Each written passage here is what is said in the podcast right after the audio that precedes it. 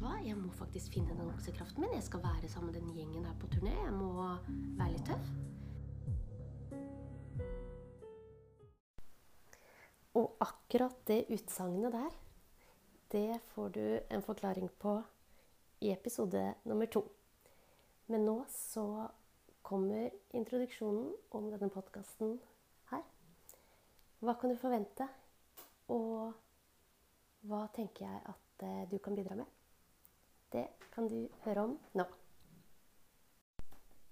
Hei, jeg heter Line Westgård, og velkommen til en podkast om det å være kunstner.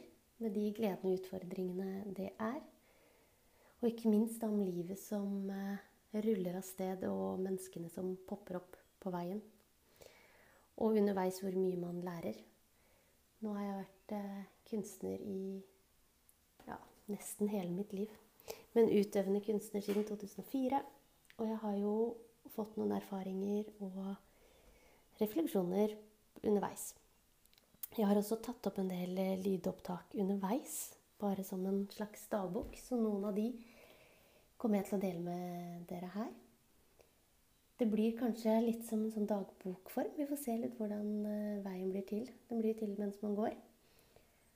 Og jeg håper at uh, dere kan finne noe inspirerende og underholdende.